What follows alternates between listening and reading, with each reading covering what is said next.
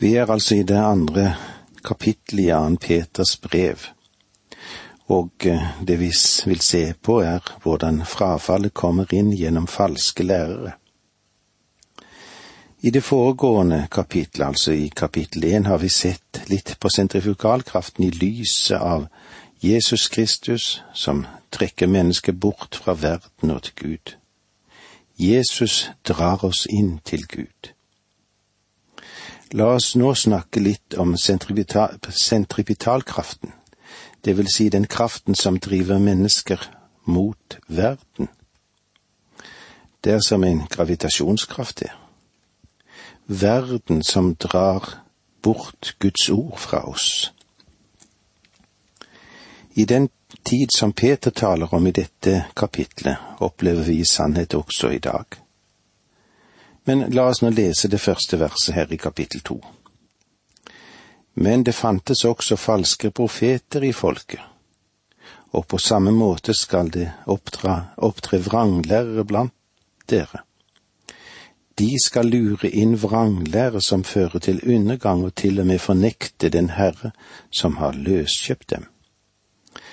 Dermed fører de seg selv snart i fortapelse. Men det fantes også falske profeter i folket. Peter skriver til de jødiske kristne og til folket, og han taler her om Israel.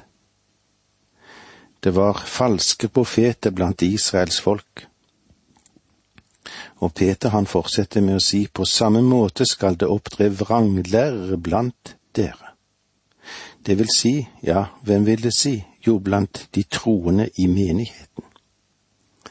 Det var falske profeter i Det gamle testamentet, og dere det er falske lærere også i dag. Vi behøver ikke tenke så mye på falske profeter i det hele tatt.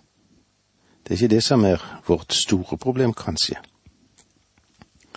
Et menneske som prøver å profitere i dag vil nokså snart bli avslørt som en løgner, om han ikke er av sannheten. Det er ikke noe tvil om det. Vårt store behov er ikke øye for de falske profeter, men la meg få lov til å understreke, du trenger sannelig å granske falske lærere. Alle lærere må legges inn under lupen, inkludert den som taler til deg akkurat nå. Du må hjelpe til slik at vi har god forståelse av det Gud vil si oss. Og jeg vil appellere til dere alle sammen at dere gransker det jeg sier om og ved Guds ord. Tro det ikke for det om det er jeg som sier det. Det er Guds ord du skal hvile på, ikke på de ordene som jeg måtte si. Jeg er overrasket over hvor lett mennesker blir ført bak lyset av alle slags lærere og lærer. Det er alltid noen som faller selv på de villeste ideer. Det er ikke vanskelig å bevise. Det forteller at det er mange mennesker som ikke har tatt, tatt hensyn til Peters advarsel om de falske lærere. I stedet lytter de til dem og gir dem sin finansielle støtte. I kapittel én så vi at det var noen profeter sendt av Gud i Det gamle testamentet, og det de profeterte, det var 100% nøyaktig. Men det Peter sier nå, men det fantes også falske profeter i folket. Det var ikke bare sanne profeter, men også på den tid da Akab og Josafat dro ut mot syrerne. Det kan du se om i første kongebok kapittel 22. De kalte sammen en gruppe falske profeter som tilba Bal, som sterkt anmodet Akab og Josafat om å gå i krig. Josafat så øyeblikkelig at de ikke fikk et ord fra Gud, og han sier, Er det ingen annen av Guds profeter her som vi også kunne spørre? Akab svarte, Jo, men jeg holder ham fanget, for han sier aldri noe godt om meg. Det er vel slik til alle tider at mennesker ikke liker en predikant som ikke sier noe godt om dem hele tiden. Slik av Akab. Denne Guds profet Mika sa han rett opp i ansiktet sannheten, og Akab likte det ikke. Men de førte Mika inn og sa til Akab, om du drar i strid, så vil du bli drept. Akab vendte seg til Josafat og sa, Ser du hva jeg mener? Han sier aldri noe godt om meg. Og det er beklagelig at Akab ikke lyttet til ham, for han ble drept nøyaktig slik Mika hadde sagt. Mika var en sann profet fra Gud, men det var også flere hundre falske profeter på samme tid. På samme måte skal det opptre vranglærere blant dere. Altså, slik kan det òg være visse forhold i den kristne menighet. Om det, den forbindelsen som er der til Jesus, heter det at de skal til og med fornekte den Herre Jesus, som kjøpte dem så dyrt med sitt blod. Hva er nå dette? Jo, det er toppen på villfarelse, det. De ødelegger ikke bare menigheten, men det de gjør, de nekter Kristus å være herre over deres liv og deres ferd. Det er ikke sagt at de teoretisk fornekter læren om Jesu forsoning eller om Jesus og at han er herre. Nei, de er opptatt med vranglæren. På samme måte skal det opptre vranglærere blant dere. Det greske ordet for vranglære forekommer her i Det nye testamentet, og bare her. Og dette er en fare for menigheten også i dag. Hva er en vranglærer? En vranglærer er en som kjenner sannheten, men bevisst lyver av en eller annen grunn. Dette kan være uten selviske årsaker, eller han ønsker å behage mennesker, eller at det som er det verste av alt, at det er penger inne i bildet. Slike lærere finnes. De forkynner og sier det menneskene vil ha, eller det som vi òg har vært innom før, det som klør dem i øret selv om de vet hva sannheten er. Det er vranglære. Det er andre som lærer feile ting også, og de er kanskje hele uvitende om dette. Noen av de store reformatorer i fortiden og noen av de store etterapostoliske kirkefredere trodde at de lærte ting som vi i dag ikke holder fast ved. Vi tror at de var på villspor når det gjaldt spesielle forhold. Disse menn var ikke vranglærere. De trodde de underviste sannheten, og det gjør dem egentlig ikke til vranglære. En vranglærer, hva med han? Han vet hva han gjør, og han gjør det bevisst.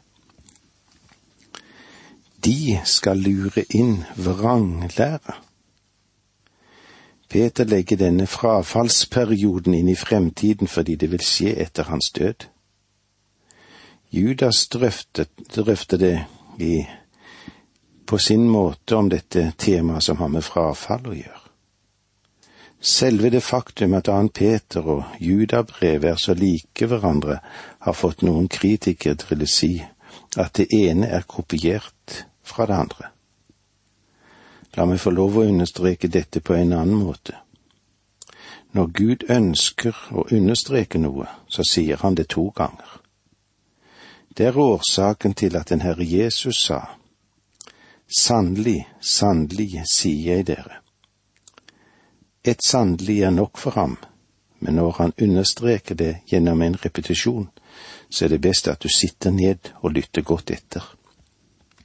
Dette er noe som Gud anser for å være svært viktig. Men da Judas skrev, så sa han at det allerede var falske lærere i menigheten. De kom altså ganske tidlig inn, og de har vært og du har funnet de i menigheten helt fram til denne tid.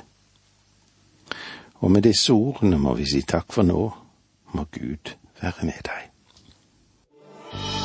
Dette undervisningsprogrammet består av to deler. Åge Nevland fortsetter nå med andre del av dagens undervisning. Vi er i 2. Peters brev. Vi er i det andre kapittelet, og vi ser litt på hva frafallet kommer til å gjøre med oss i den tid vi går inn i, og det vi er klar over, er at frafallet kommer inn gjennom falske lærere. I vers 1 her i kapittel 2 leser vi, men det fantes også falske profeter i folket, og på samme måte skal det opptre vranglærere blant dere.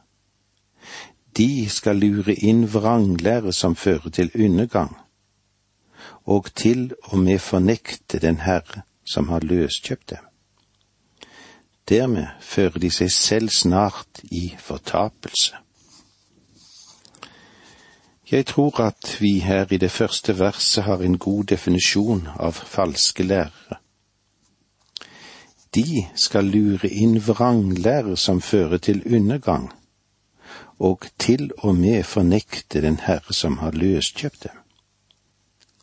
Dermed fører de seg selv snart i fortapelse. Vranglære, det betyr faktisk destruktive kjetterier. Det som avslører disse falske lærerne, at de fornekter Kristi forsoningsgjerning for dem. De vil opptre i menigheten som medlemmer i kirken. De krever å bli tatt som kristne og de arbeider delvis skjult. La meg få lov til å understreke at falske lærere har noe rett i sin lære.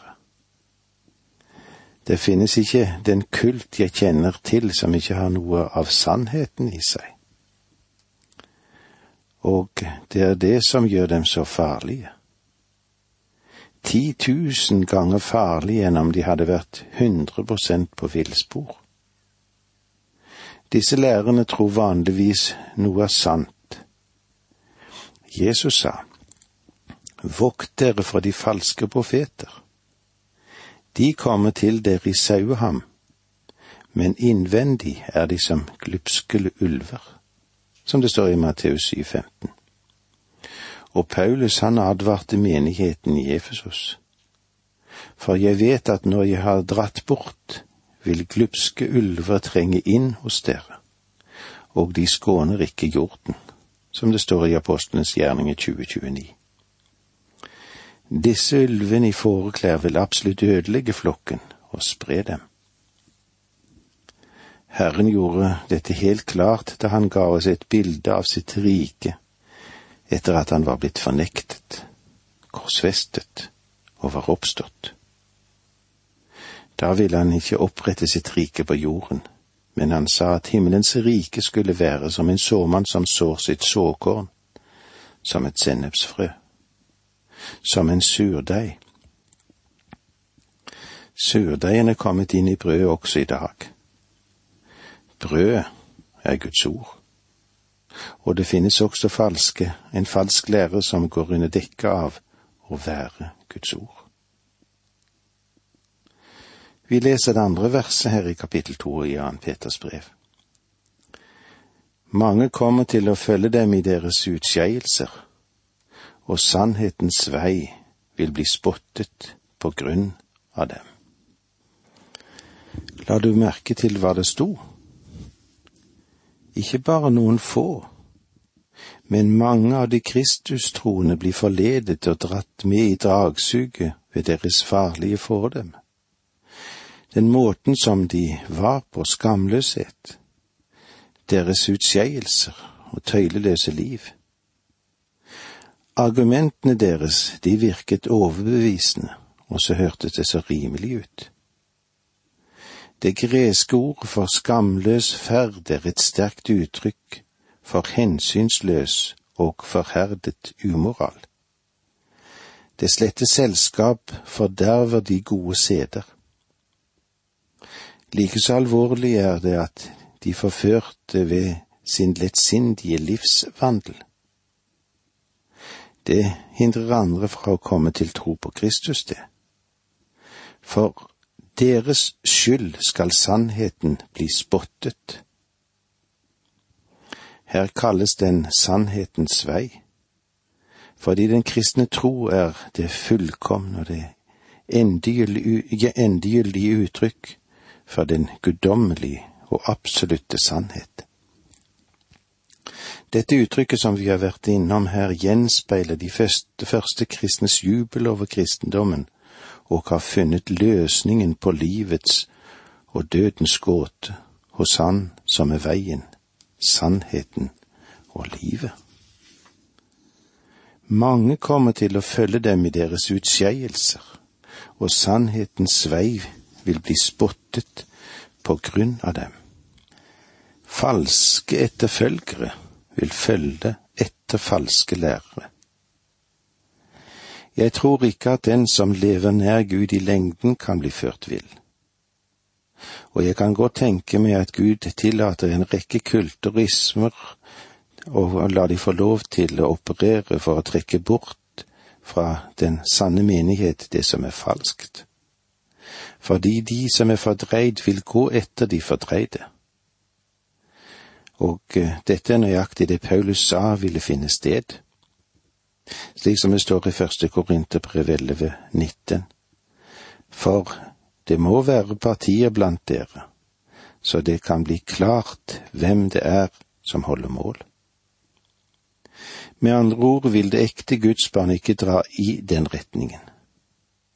Den Herre Jesus sa det slik, Mine får høre min røst, og de følger meg. Når du ser mennesker løpe etter falsk lære, så er det enten ubevisst at de har blitt forført, eller de er bevisst forført, for det, det er det de tror på, og det var det de ønsket å høre hele tiden. I vers tre. De er ute etter penger og farer med dikt og bedrag for å slå mynt på dere men alt lenge har de hatt dommen hengende over seg, og fortapelsen venter på dem.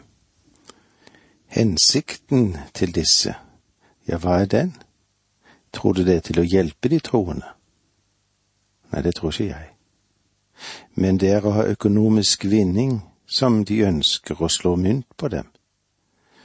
Først forfører de falske lærerne de godtroende kristne ved hjelp av falske løfter og lærdommer de selv har funnet på, og deretter handler de med dem på en slik måte at de blir utnyttet økonomisk, for eksempel ved at de tar seg godt betalt for sin undervisning, og på andre måter kan de gjøre dette, slik som det også står i første Timotius 6.5 og stadig krangel mellom mennesker som har mistet dømmekraften og er kommet bort fra sannheten, de mener gudsfrykten er en vei til vinning.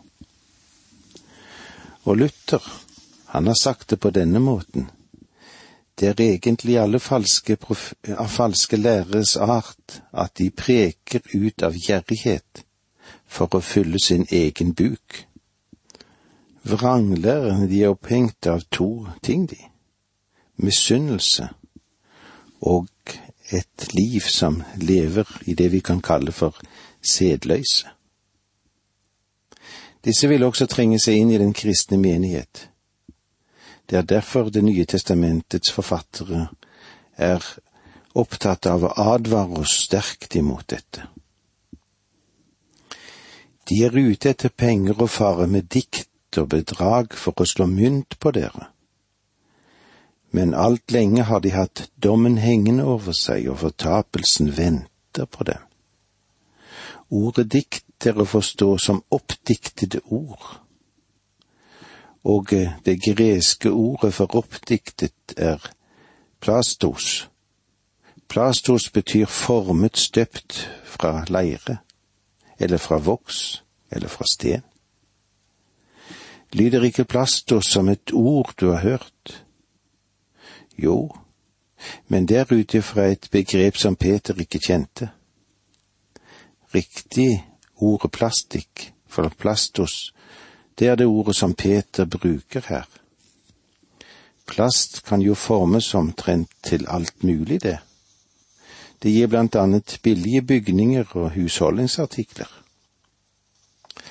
Men kan jeg få lov til å si det litt vennlig, men ganske klart, da. Det er også plastikkpredikanter som kan formes og danderes lik det folket ønsker at det skal være, og slik det blir tjent. Det sier det menigheten vil at de skal si.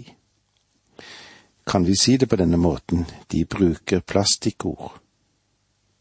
Det kan lyde svært så riktig, og det kan virke så bibeltro, men spørsmålet er hva ligger bak ordene, hva ligger bak begrepene? Hva mener vi predikanter med det vi sier? Betyr det noe for oss? Peter forteller oss her at falske lærere vil tale med dikt og bedrag for å slå mynt på folk. De vil tilpasse sine ord til de mennesker som de taler til. De tar ingenting for å snu kappen etter vinden. Blant de konservative, hva skjer der? Jo, der taler de konservativt. Og blant de liberale, jo, der taler de liberalt. Du kan tømme dem i hvilken som helst form du vil, og de tilpasser seg det de måtte være i og den sammenheng som de er i.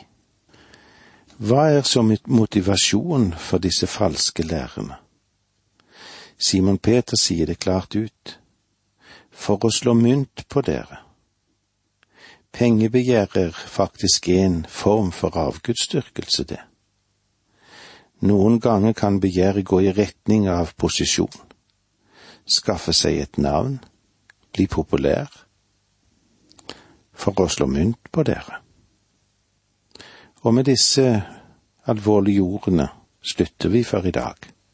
Takk for nå, må Gud være med deg.